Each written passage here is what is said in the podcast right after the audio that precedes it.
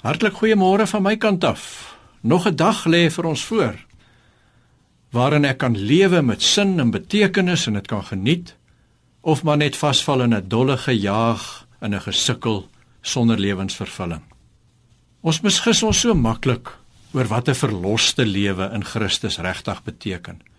Dit gaan nie regtig in die boodskap van die Bybel daaroor dat die Here ons maar net eendag darm deur die offer van Jesus in die hemel wil kry nie. Nee, hy gun ons 'n lewensvervullende, sinvolle lewe met hom in verhouding. Luister saam met my na Jesus in Johannes 10 met die herderbeeld. Toe het Jesus verder gesê: Ek is die goeie herder. Ek ken my skape en my skape ken my, net soos die Vader my ken en ek die Vader ken. En ek lê my lewe af vir my skape. My skape luister na my stem. Ek ken hulle en hulle volg my. Ek gee hulle die ewige lewe en niemand sal hulle uit my hand ruk nie. Dis seker.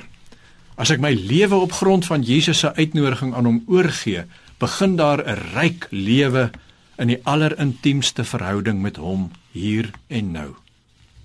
Om hom te ken, sy stem gedurig in my lewe te hoor al meer ingetrek te word om hom te dien en my lewe daarin te vind vol sin en deur hom versorg te word op hierdie pad en veilig te wees tot in ewigheid.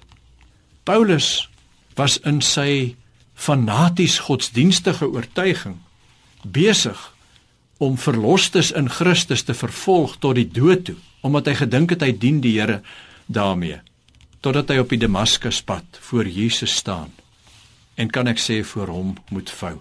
Na hierdie ontmoeting met Jesus as lewende Here begin daar 'n nuwe pad vir hom. En hy word die grootste sendeling van Jesus waarskynlik. Ons het die grootste deel van die Nuwe Testament aan sy pad met Christus te danke.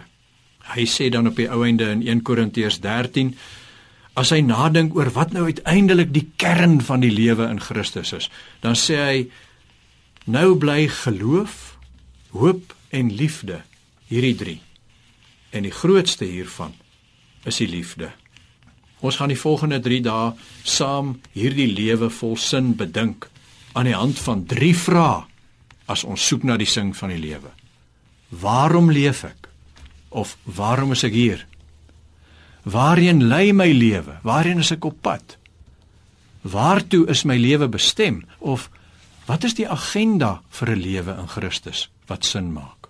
Ons soek lewensvervulling. Amen.